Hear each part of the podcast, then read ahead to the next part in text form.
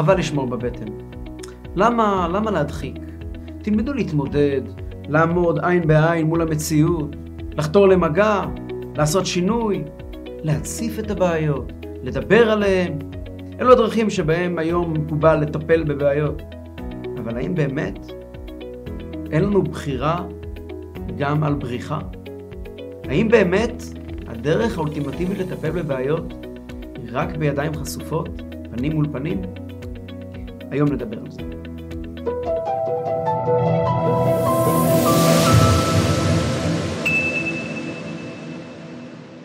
טוב, אז הגענו סוף סוף לפרשת בו וליציאת מצרים. סוף סוף יוצאים ממצרים, והפרשה שלנו נותנת לנו את מצוות הפסח, פסח מצרים והפסח לדורות, ומלמדת אותנו שהחג הזה כולו, והיום הזה כולו, ויציאת מצרים כולה, יש בו מאפיין מאוד מאוד מיוחד שנמצא במילה פסח, מלשון פסיכה ודילוג.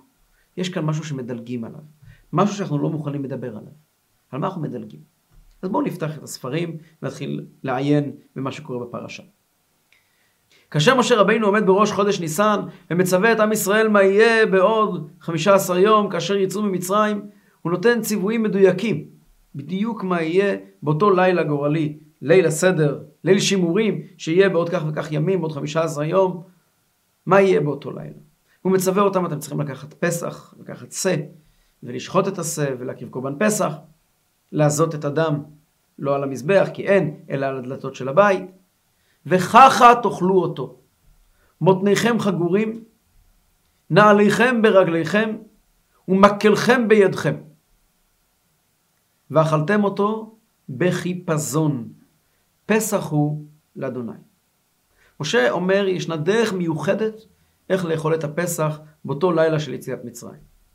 צריכים להיות עם נעליים נעולים, צריכים להיות עם מקל ביד, וצריכים להיות עם, עם חגורה שחוגרת היטב את, ה, את, ה, את האזור, כן? אה, אה, שלא כפי שנהוג לאכול, הרי ההלכה אומרת שמתי מתחילה הסעודה? כשפותחים את החגורה. אדם מתיישב לאכול ופותח את החגורה.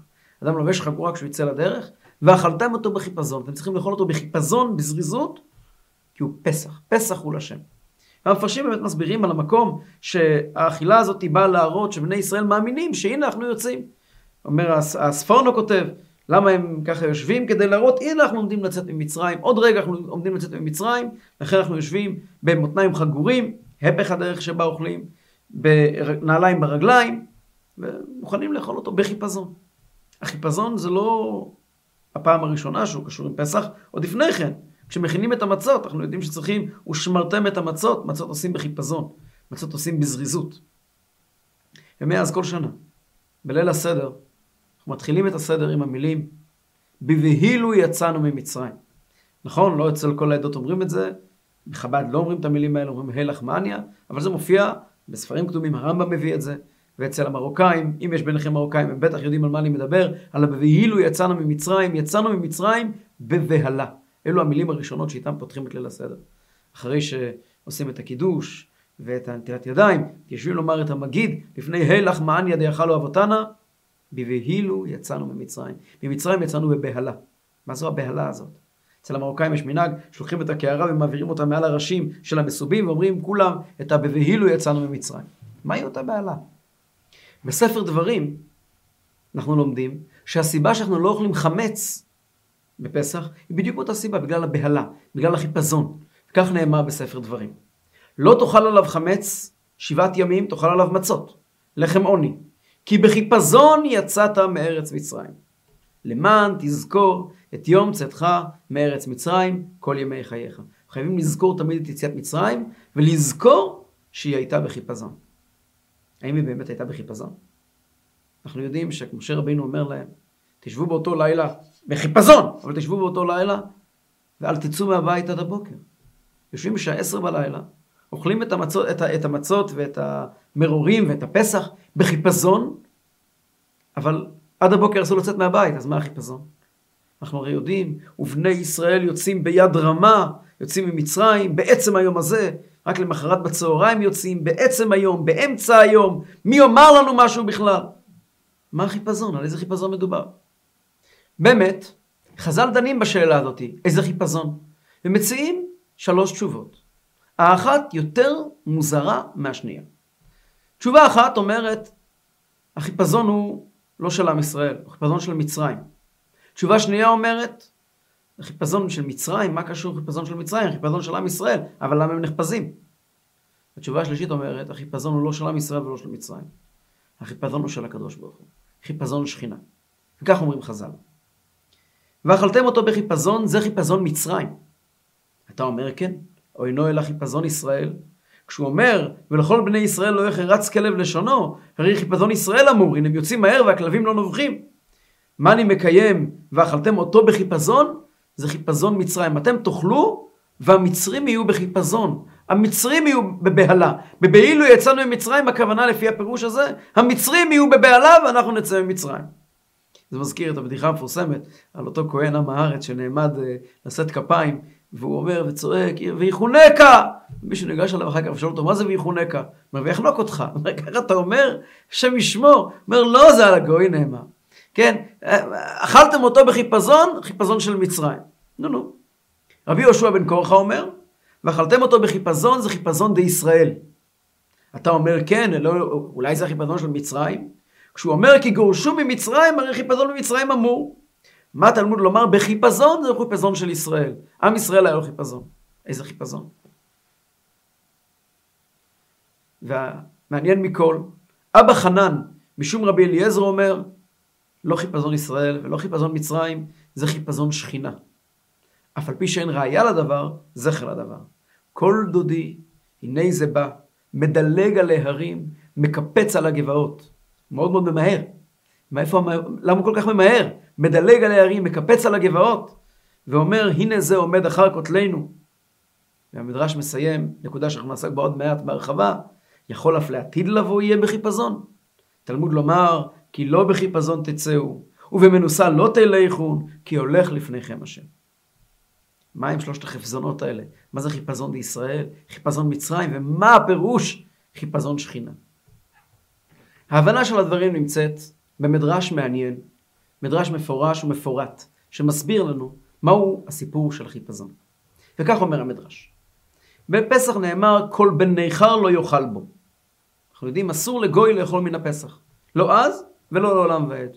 לגוי אסור לאכול מן הפסח. הגמרא במסכת אה, אה, פסחים, מיד בהתחלה מספרת סיפור על אה, גוי שבא ואכל מן הפסח. וחזר הביתה לסוריה, לעיר נציבין, שם היה תנא רבי יהודה דנציבין, רבי יהודה בביתרא מנציבין, הוא ניגש אליו ואומר לו, אכלתי מן הפסח. אומר לו, לא יכול להיות. הוא אומר, כן, אני אכלתי מהפסח שנה שעברה ולפני שנתיים הייתי ב... אומר לו, תגיד לי, אתה ביקשת מהם, אתה לא אכלת מן הפסח, אתה אכלת סתם בשר. בשר של הפסח זה העלייה. יש את החלק הכי משובח בפסח, העלייה. זה איפה שכל השומנים. את זה, את זה אתה לא אכלת. הוא אומר, נכון, נכון, באמת לא אכלתי את זה. אבל אני יכול לאכול את זה, אני אין בעיה, אני אסדר את זה. הוא אומר לו, אין בעיה, לך, תיסע שנה הבאה, תאכל את העלייה. באמת הגוי מגיע ל, ל, לירושלים כל העולי רגלים, ומבקש מהמשפחה שהוא כל שנה נמנה איתה על הפסח ולא מספר להם שהוא גוי, מהעלייה. לא, מה מהעלייה? אסור לאכול מהעלייה, זה חלב. וזה צריך ללכת כקורבן להשם. בכלל אסור לאכול מזה. אז אומר לו, אבל רבי יהודה בן נציבין אמר לי לבקש מהעלייה. רבי יהודה בן נציבין אמר לך, מה, מה, מה הסיפור? הוא אומר, התערבתי איתו שאני כן יכול לאכול. בקיצור, בסוף נפלט לו שהוא גוי, ושהוא אכל מן הפסח. תפסו אותו, טיפלו אותו, טיפלו בו ועשו מה שצריך לעשות ואסור להגיד ברדיו. ושלחו מכתב לרבי יהודה בנציבין, אתה יושב בנציבין, ומצדותך פרוסה עד ירושלים. אנחנו יודעים, הדין אומר, כל בן איכר לא יאכל בו. למה? אומר המדרש כך, לקיים מה שנאמר, מגיד דבריו ליעקב, חוקיו ומשפטיו לישראל. הקדוש ברוך הוא אומר את הסודות רק לעם ישראל. יש דברים שעדיף שלא ידעו. אמר להם הקדוש ברוך הוא, אומה אחרת, אל יתערבו בו, ואל ידעו מסתוריו, אלא אתם לעצמכם. זה משהו שהוא סוד כמוס רק ליהודים. בעולם הזה, כשאכלו ישראל את הפסח במצרים, אכלו אותו בחיפזון, שנאמר, וככה תאכלו אותו, על שם כי בחיפזון יצאת מארץ מצרים. אבל לעתיד לבוא, כי לא בחיפזון תצאו ובמנוסה לא תלכו. מה הכוונה? מה, מה, מה, מה, מה למדנו פה? ממשיך המדרש ואומר, למה הדבר דומה? לסוחר שנכנס לשרות בפונדק. עמד שם כל היום. בלילה עמד ונטל כל אשר לו ויצא לדרכו. עמדה הפונדקית בבוקר והתחילה צווחת, ראו, הפרגמוטוטוס עמד בלילה, פרגמוטוטוס מלשון אה, פרגמטיה, כן? הסוחר, עמד בלילה ונטל כל אשר לי ויצא לו. שמע אותו הפרגמוטוטוס ואמר, מי גרם לי לשמוע כך? למה היא ככה מדברים עליי שאני גנב, שלקחתי דברים ויצאתי באמצע הלילה? אלא מפני שיצאתי בלילה. אם הייתי יוצא בשעה אחת בצהריים, אף אחד לא אומר מילה. בגלל שאני ברחתי מהמלון בשתיים בלילה, פתאום כולם מדברים כאילו אני גנב. לפיכך נשבע אני שלא אצא בלילה עוד. כך התקינו ישראל עצמם בלילה לצאת בהשכמה. עמדו המצרים אחר שהלכו להם ואמרו, נרדוף אחריהם, מפני שנטלו כל אשר לנו, הרי בני ישראל יצאו ממצרים ולקחו את, את איש מאת רעהו ואישה מאת רעותה, כלי כסף וכלי זהב ושמאלות, שנאמר וירדפו מצרים אחריהם. אמר להם הקדוש ברוך הוא מי גרם לכם כל אלו? חיפזון שיצאתם בו. מכאן ואילך, כי לא בחיפזון תצאו. לשעבר, אני ובית דיני הייתי מהלך לפניהם, שנאמר והשם הולך לפניהם יומם, אבל עתיד לבוא אני לבדי, שנאמר כי הולך לפניכם השם ומאספכם אלוקי ישראל. המדרש הזה אומר, יש משהו במצרים שגרם למצרים להבין שיש פה איזושהי בריחה. המדרש קושר את זה עם העניין שכל בן נכר לא יאכל בו, רק אנחנו יודעים, הגויים לא יודעים, ולכן זה נראה חיפזון, אנחנו מסתירים מהם משהו. אנחנו הולכים בלי לספר להם, מסתירים מהם משהו, לא רוצים לגלות להם, לא רוצ... לוקחים מהם את הדברים, לא רוצים לגלות להם שבעצם זה שלנו, ובורחים ממצרים. אנחנו הרי יודעים, הגמרא מספרת שבימי אלכסנדרוס מוקדון, המלך הגדול שכבש את כל העולם, היה ויכוח בין, הגיעו המצרים בטענה לעם ישראל, מול אלכסנדר, שעכשיו הוא מלך גם של מצרים וגם של אה, אה, יהודה, ומגיעים המצרים וטוענים לאלכסנדר, עכשיו שאתה מלך גם שלנו וגם שלהם, אולי תעשה סדר. הם הרי לקחו לנו כל כך הרבה רכוש כשהם יצאו ממצרים. ביזת מצרים, ביזת הים. ואלכסנדר שלח אה, הודעה לחכמי ישראל, חבר'ה, בואו. בואו לאלכסנדריה, שנקראת השמו של אלכסנדריה, שכבש את מצרים, ובואו, בואו נעשה סדר, אה, מה, מה קורה פה? אז חכמי ישראל ישבו, חשבו את מי לשלוח, קם גביע בן בסיסה, היה חכם מאוד מיוחד, הגמרא מספרת עליו כמה וכמה סיפורים, והוא אמר אני אבוא, אין בעיה. הוא נעמד מול המצרים, ואומר למצרים, מה הבעיה שלכם? אז הם אומרים לו, אנחנו, כתוב בתורה, שאתם לקחתם מאיתנו את כל הרכוש, אז תחזירו. אומר להם גביע בן בסיסה, אתם מסתמכים על איזה מסמך? על התורה, אתם מאמינים בתורה, מסתמכים על התורה. אומר, לו, אומר להם גביע בן בסיסה, אין בעיה, מסתמכים על התורה, שום בעיה. מקובל על השופט, אדוננו המלך, אלכסנדר, אתה מקבל את התורה כהספר, כהמסמך שעליו מסתמכים כולם? כן, מקבל. ואם יוצא מהתורה אחרת, אתם מוכנים uh, לשלם את הפערים? כן. אוקיי, אז בואו נפתח. כתוב בתורה, ומושב בני ישראל אשר ישבו בארץ מצרים 400 שנה או 30 שנה. נכון? כך כתוב. יפה. מה הם עשו במצרים? כתוב בתורה, עבדו בפרך, עבודת כפייה. כמה משלמים לעבד ליום? בתורה כתוב כמה יצאו במצרים, תכפיל את זה בימים שהיו במצרים, אוקיי, יש לכם עוד כמה, יש לכם עוד קצת לשלם לנו, אז בבקשה, לפני שאתם תובעים מאיתנו כסף, תנו לנו את הכסף שמגיע לנו. תנו לנו את שמגיע לנו בדין. למה כשבני ישראל יצאו ממצרים לא עשו את אותו דבר? למה לא ניגשו ואמרו למצרים, תנו לנו בבקשה את הכלי כסף שלנו, ואת הכלי זהב שלנו, ואת השמאלות שלנו? למה צריכים לברוח? למה צריכים לשאול ולברוח?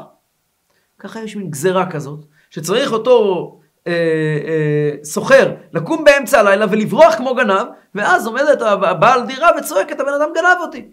ואם תגיע באמצע היום, מה יקרה? תגיע באמצע היום, כמו מלך, כמו גבר, תעמוד לבית משפט, תתמודד עם הבעיות, תתמודד עם הטענות ואתה תנצח. יש לך במה לנצח. יש לך טענות טובות מאוד. למה בני ישראל לא טענו את הטענות האלה? למה בני ישראל צריכים לגנוב את מצרים, לנצל את מצרים באמצע הלילה? כמו מלכים. יש לנו טענות מספיק מספיק טובות. ומעניין, שלמרות שהדין הזה של וככה תאכלו אותו מותניכם חגורים, נעליכם ברגליכם ו, ו, ומקלכם בידכם, הם לא, לדור, הם, לא, הם לא לדורות, לא ככה אכלו את הפסח בבית המקדש. אכלו את הפסח לא בלי נעליים כמו שרוצים, כן? אבל יש כמה וכמה דינים שנשארו. המורה נבוכים, רבינו הרמב"ם כותב, שהסיבה שבפסח אה, אסור לשבור אף עצם, זה כדי להזכיר את החיפזון. כשאדם הוא, הוא נחפז, אז הוא אוכל מה שהוא יכול לאכול, הוא לא מתחיל עכשיו להתעסק עם, עם, עם אה, בקרביים ולשבור עצמות. אז אפילו בפעם הראשונה יכול לשבור עצמות, היה להם מספיק זמן. אבל מפה צריכים לזכור את זה. והמהר"ל קושר את זה עם כל הנושא, אמרנו, של מצה וחמץ. הכל קשור לחיפזון הזה. מהו אותו חיפזון? בספר התניא, מלמד אותנו בעל התניא, שאנחנו מתמודדים כולנו עם פרעה ועם מצרים, וכמו שדיברנו בשיעורים קודמים.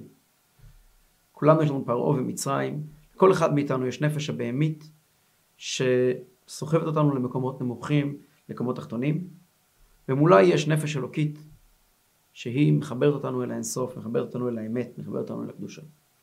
ישנו מאבק מתמיד בין הנפש האלוקית והנפש הבהמית. הגוף שלנו הוא המיצר שסוגר עלינו, מכריח אותנו לישון שש שעות בלילה, מכריח אותנו לאכול שלוש ארוחות ביום, מכריח אותנו לעבוד, ללכת לעבוד, להביא כסף הביתה, מכריח אותנו להמון המון דברים שהופכים, שמים משקולות על הרגליים שלנו ולא מאפשרים לנו באמת לעוף ולהיות מי שהיינו רוצים להיות. אלו החיים. וחלק מרכזי בחיים שלנו זה התמודדות שלנו עם עצמנו. ובהתמודדות הזו שלנו, שלנו עם עצמנו, ישנם שני סוגי מתמודדים. יש את הצדיק. הצדיק הוא אדם שיודע לטפל בנפש הבהמית שלו, יודע לשלוט בה בצורה הכי אמיתית שיש. הצדיק האמיתי הוא אדם שהעולם הזה לא מדבר אליו. לייקים לא עושים לו את זה. ושיימינג גם לא, לא, לא, לא מאיים עליו, לא מפחד מכלום. הוא נמצא ב-level אחר לגמרי. יש לו גוף שמטייל כאן בעולם כדי לאכול ולשתות ולקיים מצוות, אבל הוא עצמו, כמו שהלל הזקן אמר לתלמידיו כשהוא הלך לאכול, אני הולך לגמול חסד עם העלובה. לאכול, לטפל בעלובה שלי, בגוף, אני לא צריך את זה. אבל אנחנו לא הלל הזקן. אנחנו, מה שנקרא הבינוני, הוא הדמות האולטימטיבית שבעלתני מדבר עליה, הוא אדם שבתוך הלב שלו יש לו מלחמה מתמדת. הוא אוהב את העולם הזה, הוא נפגע כשפוגעים בו, הוא שמח כשמפרגנים לו, הוא נהנה כשהוא מצליח, הוא עצוב כשהוא לא, זה הבינוני. הבינוני הוא אדם שאוהב את החיים היפים, אוהב את העולם הזה, נמשך לשם, אבל שולט בעצמו. יש לו שליטה מתמדת, הוא יודע, יש דברים שלא עושים. לא רק עבירות, אלא גם בכלל לא צריכים לתת יותר מדי לנפש הבהמית חומר אה, בעירה.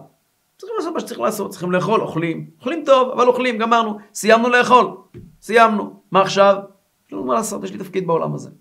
הבינוני הוא אדם שמצד אחד יש בו מאבקים פנימיים, אבל במציאות הוא מנצח, הוא מנצח והמחשבות שלו הן נכונות, הדיבורים שלו הם נכונים, המעשים שלו הם נכונים. זה דמותו של הבינוני המתוארת בתניא באריכות. ובעל התניא מדבר על אותו בינוני, על אותו אדם, שזה בעצם כולנו. גם אם אנחנו לא מצליחים לשלוט בעצמנו 100%, אבל אנחנו שולטים בעצמנו בכמה אחוזים.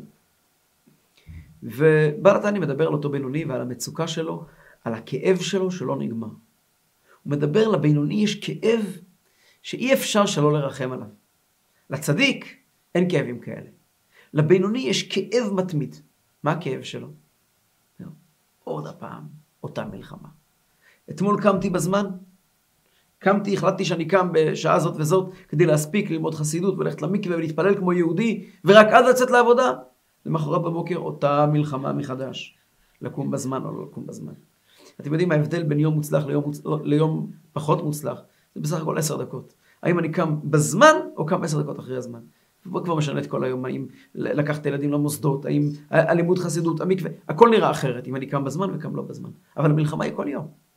המלחמה היא כל יום, האם לבזבז זמן בוואטסאפ או לא משנה איפה, או לא לבזבז את הזמן הזה. כשאני מנצח אני מבסוט, כשאני מפסיד, כואב לי. ואפילו אם אני מנצח כל יום מחדש, אני יודע שהניצחון של היום לא יועיל לי מחר. לא התקדמתי לשום מקום. אני נוסע עם פול גז בניוטרל. אני משקיע כוחות להילחם עם עצמי, אבל אני לא באמת מתקדם. אני מתקדם קצת, אבל אני לא באמת מתקדם. המלחמות הן אותן מלחמות. הכאב הוא אותו כאב. אם אני עובד על עצמי שלא לפגוע בבן אדם אחר, אז עבדתי והצלחתי יומיים לא לפגוע באף בן אדם, ביום השלישי נפלט לי מילה נגד בן אדם. אם אני עובד על עצמי לא להיפגע מאנשים אחרים, אני עובד על עצמי שלושה ארבעה ימים, ואז עוד הפעם. המלחמה היא לא מפסיקה. והבינוני מסתובב עם תחושת כאב מתמדת שאומרת, למה לי המלחמות הבלתי נגמרות האלה?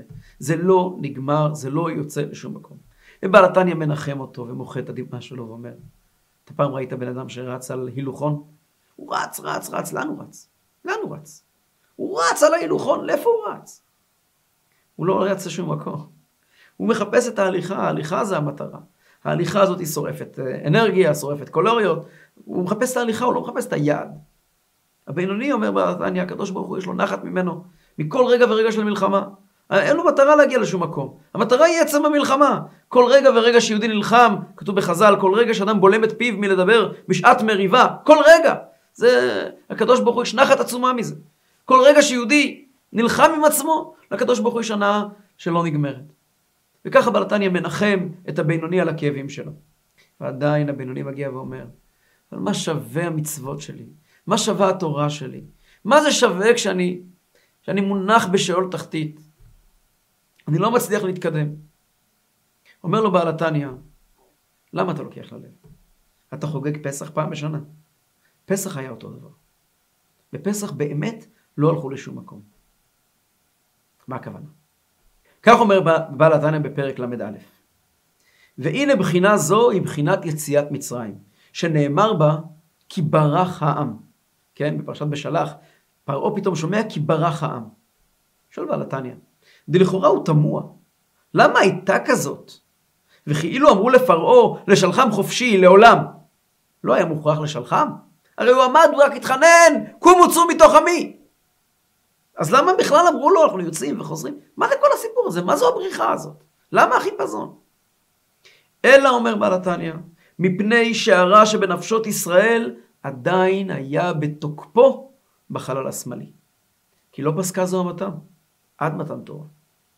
רק מגמתם וחפצם הייתה לצאת נפשם האלוקית מגלות הסטרא אחרא, אי-טומאת מצרים ולדוב כבו יתברך.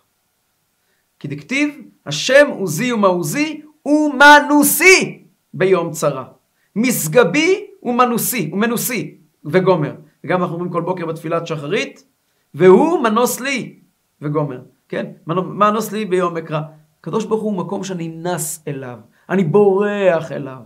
אני בורח. למה אני בורח? למה אני נס? אני לא יכול לעמוד ב, כמו יעקב אבינו שנאמר, קוראים לו ישראל בשררה וגילוי פנים, ולומר לרע, אני פה בעל הבית, אני מגיע בכוחו של הקדוש ברוך הוא. אומר נתניה, לא, לא, לא, לא. לא תמיד אתה יכול להילחם. לפעמים אתה צריך לברוח. מה שמזכיר לי סיפור. מספרים שפעם הפריץ קרא למושקה. הוא אומר למושקה, מושקה אתה לא שילמת כבר חצי שנה על החקירה של הבית מרזח. והרי מה הכללים של סיפור יהודי? כל סיפור יהודי יש בית מרזח, יש מושקה ויש פריץ. אז הנה, יש פה שלושת האלמנטים, מגיע הפריץ ואומר למושקה, ככה חצי שנה לא שילמת את בית מרזח. אומר לו מושקה, כן, אני מארגן כסף. אומר לו הפריץ, אתה חייב לארגן כסף תוך שבוע, כי אחרת אני זורק אותך ואת כל המשפחה שלך לבור. מושקה חוזר הביתה, ושם בכל בית יהודי יש תיבת גלות, שם את התיבת גלות עם כל המצרכים שצריך, מנות קרב וכל מיני דברים דחופים מאוד, על העגלה, מעלה את המשפחה על העגלה ועושים מה שנקרא ויברח. הם יוצאים מהעיירה, ופתאום מי נכנס לעיירה? הפוריץ נכנס לעיירה, רואה את, משה, את, את מושקה יושב על העגלה עם כל המשפחה, כל הבית מה, על העגלה. מה זה? לאיפה אתה? אומר לו מושקה, נוסע לעיר הגדולה. מה יש בעיר הגדולה? יש לנו חגים. כל חג אנחנו עושים, אין פה מניין בעיירה הקטנה. כל חג אנחנו עושים לעיירה הגדולה, לעיר הגדולה, להתפלל במניין. איזה חג יש לכם עכשיו? אה, אומר לו מושקה, עכשיו זה זמן פדותנו. זמן פדותנו, אומר הפריץ, מגרד בפדחת, מה פדותנו? נו, שיהיה. ונכנס לתוך העיירה ומושקה בורח. הפריץ מגיע בעיירה ורואה את ינקלה. היי, hey, ינקלה! למה אתה נמצא פה? למה אתה לא נסעת לעיר הגדולה? אומר לו, למה לנסוע לעיר הגדולה? יש להם חג עכשיו, לא? ינקלה מנסה לחשוב. איזה חג? אומר לו הפריץ, הטיפש. מושקה עכשיו אמר לי שהוא נוסע לזמן פדותנו. אה, זמן פדותנו, אומר ינקלה. זמן פדותנו אצל כל יהודי זה בתאריך אחר. כן? לפעמים צריכים לברוח. לברוח, עם ישראל תמיד ברח. תיבת הגלות תמיד נמצאת. מה זה לברוח? אומר בעל התניא, אתה לא יכול באמת להתמודד עם הרע שלך. אתה לא באמת יכול לבטל את טומאת מצרים. אנחנו לא אברהם אבינו, אנחנו לא יצחק אבינו, אנחנו לא יעקב אבינו, אנחנו בני אברהם, יצחק ויעקב. פרעה החזק, מצרים הגדולה, הם כן איום עלינו, הם לא איום על האמת. הם לא איום על אברהם ויצחק ויעקב ויוסף, אבל עלינו הם בהחלט איום.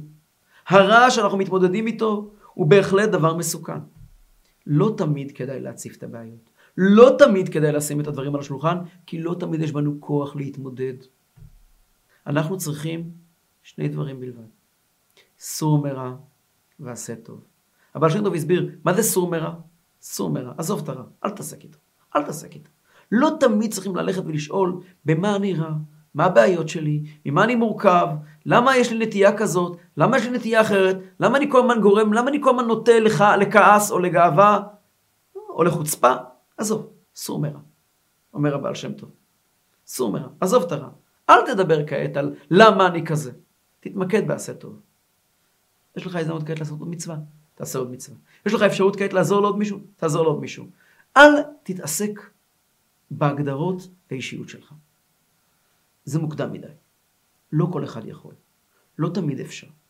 יציאת מצרים וכאשר בני ישראל עומדים במצרים, שקועים במ"ט שערי טומאה. ונגלה עליהם מלך מלכי המלכים, הקדוש ברוך הוא גאלם. הקדוש ברוך הוא גאל ממצרים לא את הגוי של היהודי.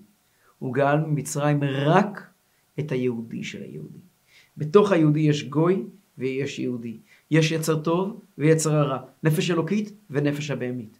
הנפש הבהמית מלמד אותנו בעל התניא, לא יצאה ממצרים. היא נשארה במצרים. היא אומנם, היא רודפת אחרינו כשאנחנו יוצאים ממצרים, כתוב וגם ערב רב עלה עמם. אבל מי שיצא ממצרים זה רק הנפש האלוקית, וכל בן נכר לא יאכל בו. יש פה חיפזון שכינה. השכינה נחפזת, למה היא נחפזת? כי אי אפשר לשים את הדברים על השולחן. אי אפשר לצאת ממצרים בשררה וגילוי פנים. אי אפשר לעמוד מול הגוי ולומר לו, אני עושה את המגיע לי בדין. למרות שזה נכון. אבל ביציאת מצרים אתה לא יכול לבוא ולומר לנפש הבהמית שלך, וליצר הרע שלך, ולפחדים שלך, ולדאגות שלך, מי אתם בכלל? לא, אתה אדם קטן. אתה יכול לעמוד מולם ולומר להם, אתה לא צריך לעמוד ולומר להם, זה בכל בן נכר לא יאכל בו. אתה צריך פשוט לעמוד ולברוח. להתמסר למה שאתה צריך להתמסר. להתמסר לעזור ליהודי אחר, להתמסר לעוד מצווה, להתמסר לניצול של עוד דקה. ומה קורה בחצר האחורית שלך? בינתיים, כי ברח העם. בינתיים, אני לא מתעסק עם זה. ובעל התניא אומר לנו, אל תיבהל. זאת יציאת מצרים. לקח להם זמן עד מתן תורה להתחיל לטפל בנפש הבהמית שלהם. כשיצאו ממצרים, הם פחדו מאוד מאוד מכל מיני דברים. פחדו מחמץ. הם היו חייבים מהר מהר מהר להכין את, ה, את הלחם עוני, להכין ממנו מצות. כי לא חמץ, כי החמץ פה. הוא יכול לשלוט בלחם עוני. הרע נמצא. אף אחד, לא, אף אחד לא ביטל אותו, הוא פה. הוא פה כדי להישאר. המלחמות שלנו תמיד היו. היה יהודי, אה, קראו לו רב שולם פויזנר. סיפור מאוד יקר. רב שולם פויזנר היה חסיד אמיתי. הוא היה ברוסיה בתלמידים של הישיבת אורחי תמימים המפורסמת. אחרי זה הגיע לאמריקה והקים מוסדות נפלאים בפיטסבורג, וזכה שהצאצאים שלו, רוב הצאצאים שלו בטח, הם שלוחים של הרבים, של הרבה קודם, של הרבה, בעיקר של הרבה, הצאצאים שלו שלוחים של הרבה, הבנים שלו שלוחים של הרבה קודם כבר, ובאמת, בכל העולם יש צאצאי משפחת פויזנר שעושים דברים גדולים מאוד. אחת הבנות של שולם פויזנר גרה בתענך, הגברת ששונקין. ובאחרית ימיו של אה, שולם פויזנר, בשנות המם, שנות ה-80, הוא כבר היה זקן וחלש אחרי שהוא הקים אימפריה של יהדות בפיטסבורג, והוא עלה לארץ והיה גר אצלה בבית בתענך. יום אחד הגיע לארץ אחד מה, מהתלמידים הראשונים של שולם פויזנר, מהשנים הראשונות שהוא הגיע לפיטסבורג בתחילת שנות ה-40. והגיע לארץ, ידי מבוגר, ואמר, רוצה לראות את מורי ורבי, את רב שולם פויזנר. הוא הלך בשדה תעופה, אז קראו לזה בלוד, כן, נתב"ג, ושכר רכב ונסע את כל הדרך, אז עדיין לא היה ווייז, עם מפות של מפה, כן, לנסוע לתענך, רק להגיע, זה 6-7 שעות נסיעה, לחפש, להסתבך בדרך עשר פעמים, הגיע לשם דרך דימונה, בכל אופן בסוף הגיע לתענך, גמור כולו, מגיע לתענך, מברר איפה גרים משפחת ששונקין, מי לא יודע, אנשים כל כך צדיקים, רב אברמלוב ושרה ששונקין, אנשים באמת צדיקים, מצליח להגיע אליהם הביתה, דופק בדלת, או, שלום עליכם, מה שלומך? באתי לפגוש את אה, מורי ורבי, את רב שולם פויזנר. אומרת לו גברת ששונקין, אבא לא כל כך, אה, הוא כבר לא כל כך פה. הוא קצת אה, מעורפל. עד שהגעתי עד לפה ככה בשעות. תיקח כוס קפה, תירגע קצת, הוא קצת נרגע, ואז הוא אומר, תנסה בכל זאת. הוא ניגש אליו לחדר, דופק בדלת. רב שולם, רב שולם! רב שולם לא נע ולא זה. פותח את הדלת ככה בזהירות. רב שולם תולה בו מבט. רב שולם, רב שולם, לא מכיר אותו. רב שולם זה אני מייקל! אני מה, מהכיתה הראשונה שפתחת. אני עזרתי לך כל השנים עם כסף, עם מוסדות, אני עזר, הייתי יד עם רב שולם. שום דבר. פתאום באיזשהו שלב, להחזיק בעיניים של רב שולם, רב שולם מסתכל עליו ואומר לו, תסלח לי, אני כבר לא מה שהייתי. אני לא רב שולם שהכרת. אני קצת, האוזניים לא כל כך שומעות. והרגליים לא כל כך הולכות, והעיניים לא כל כך רואות, והזיכרון שכחתי. אבל לפעמים אני אפילו חושב לעצמי, אולי אני כבר מת. אין לי אף הוכחה שאני חי. אבל הוא, היצר הרע, הוא עדיין פה. הוא עדיין פה. וזו הראייה שלי שאני חי. ככה דיבר חסיד. ככה, ככה מדבר חסיד. היצר הרע פה. הוא פה כדי להישאר, ואנחנו פה כדי להילחם. הבינוני לא מנצח. הוא מנצח מלחמות קטנות. ולכן ביציאת מצרים, יציאת מצרים הייתה בצורה כזאת שמצרים נשארה. והפוך, מצרים חשבה שעם ישראל ברח. זה נקרא חיפזון שכינה, הקדוש ברוך הוא הזדרז מהר להוציא את עם ישראל, כי אחרת, מה היה קורה עם עם ישראל? וזה גם חיפזון לישראל. אם עם ישראל, לא, ישראל פירוש הנפש האלוקית, אם היא לא מהר תממש את עצמה ותגיע לדברים חיוביים, מצרים ישלטו בה. זה גם חיפזון במצרים. היה חייב לתת להם עשר מכות, לש... מהר, מהר, מהר, מהר, מהר, מהר, לתת להם מכות חשמל, כדי שבני ישראל יוכלו לצאת ממצרים, אחרת הם מספיק חזקים כדי לאפשר שזה לא יקרה. יש מושג שנקרא בעולם חב"ד, זה נקרא המשכים. מה זה המשכים?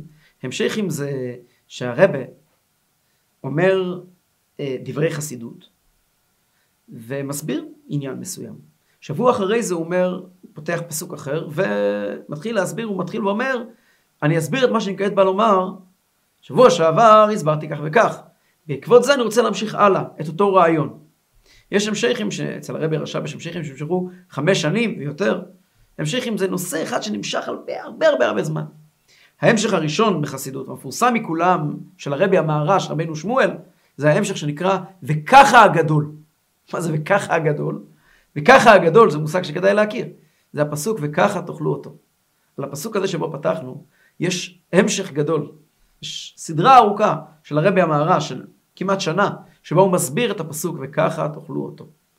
הוא מלמד אותנו כללים, איך יוצאים ממצרים בחיפזון. וככה תאכלו אותו. מותניכם חגורים. אם אנחנו רוצים להתמודד באמת ולצאת ממצרים, למרות שיש בנו רע, צריך קודם כל להיות עם מותניים חגורים. מה זה מותניים? כתוב בתניא שמותניים זה אמונה. צריכים להיות עם האמונה חזקה מאוד. יציאת מצרים, כידוע, זה חג האמונה, זמן האמונה. אם אני רוצה לצאת ממצרים, אני מוכרח להאמין בקדוש ברוך הוא שאני מסוגל. להיות חגור עם האמונה. חגרה בעוז מותניה, זה הולך על האמונה, להיות חגור עם האמונה, האמונה אזור חלציו, להיות מוכן עם האמונה ולומר, אני מאמין שאני יכול לצאת מכאן. ואחר כך, אחרי מותניכם חגורים, מאוד חשוב, מאוד חשוב, הכרחי, נעליכם ברגליכם. מה זה נעליכם ברגליכם? נעל, התפקיד שלה הוא לעשות איזשהו מרחק ביני, ביני לבין העולם. אדם שהולך בלי נעליים עלול לקבל קוצים, ברקנים, כל מיני דברים שמסתובבים על הרצפה. נעל זה קצת להיות מנותק מהגשמיות. אדם שהוא מונח בגשמיות, כל היום לוהט, להוט אחרי תאוות העולם הזה, יהיה לו מאוד קשה לצאת ממצרים, מכיוון שאנחנו יודעים שמצרים פה. אם אתה רוצה לברוח, אתה חייב נעליים טובות. איך מייצרים נעליים? לוקחים אור של בהמה ומעבדים אותו, עושים לו עיבוד טוב עד שהוא נהיה נעליים. אנחנו צריכים לדעת להשתמש בעולם הזה בתור אור של בהמה שמאבדים אותו. צריך לאכול, צריך לאכול, צריך לשתות, צריך לשתות, צריכים רכב, צריכים רכב, צריכים טלפון, צריכים טלפון. אין בעיה. כל מה שצריך יהיה לך.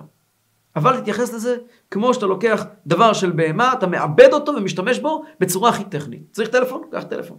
אבל אל תשתעבד לו. תתייחס אליו כמו על נעליים. נעליים ברגליים. יש כאלה שמכניסים את הראש בתוך הנעליים.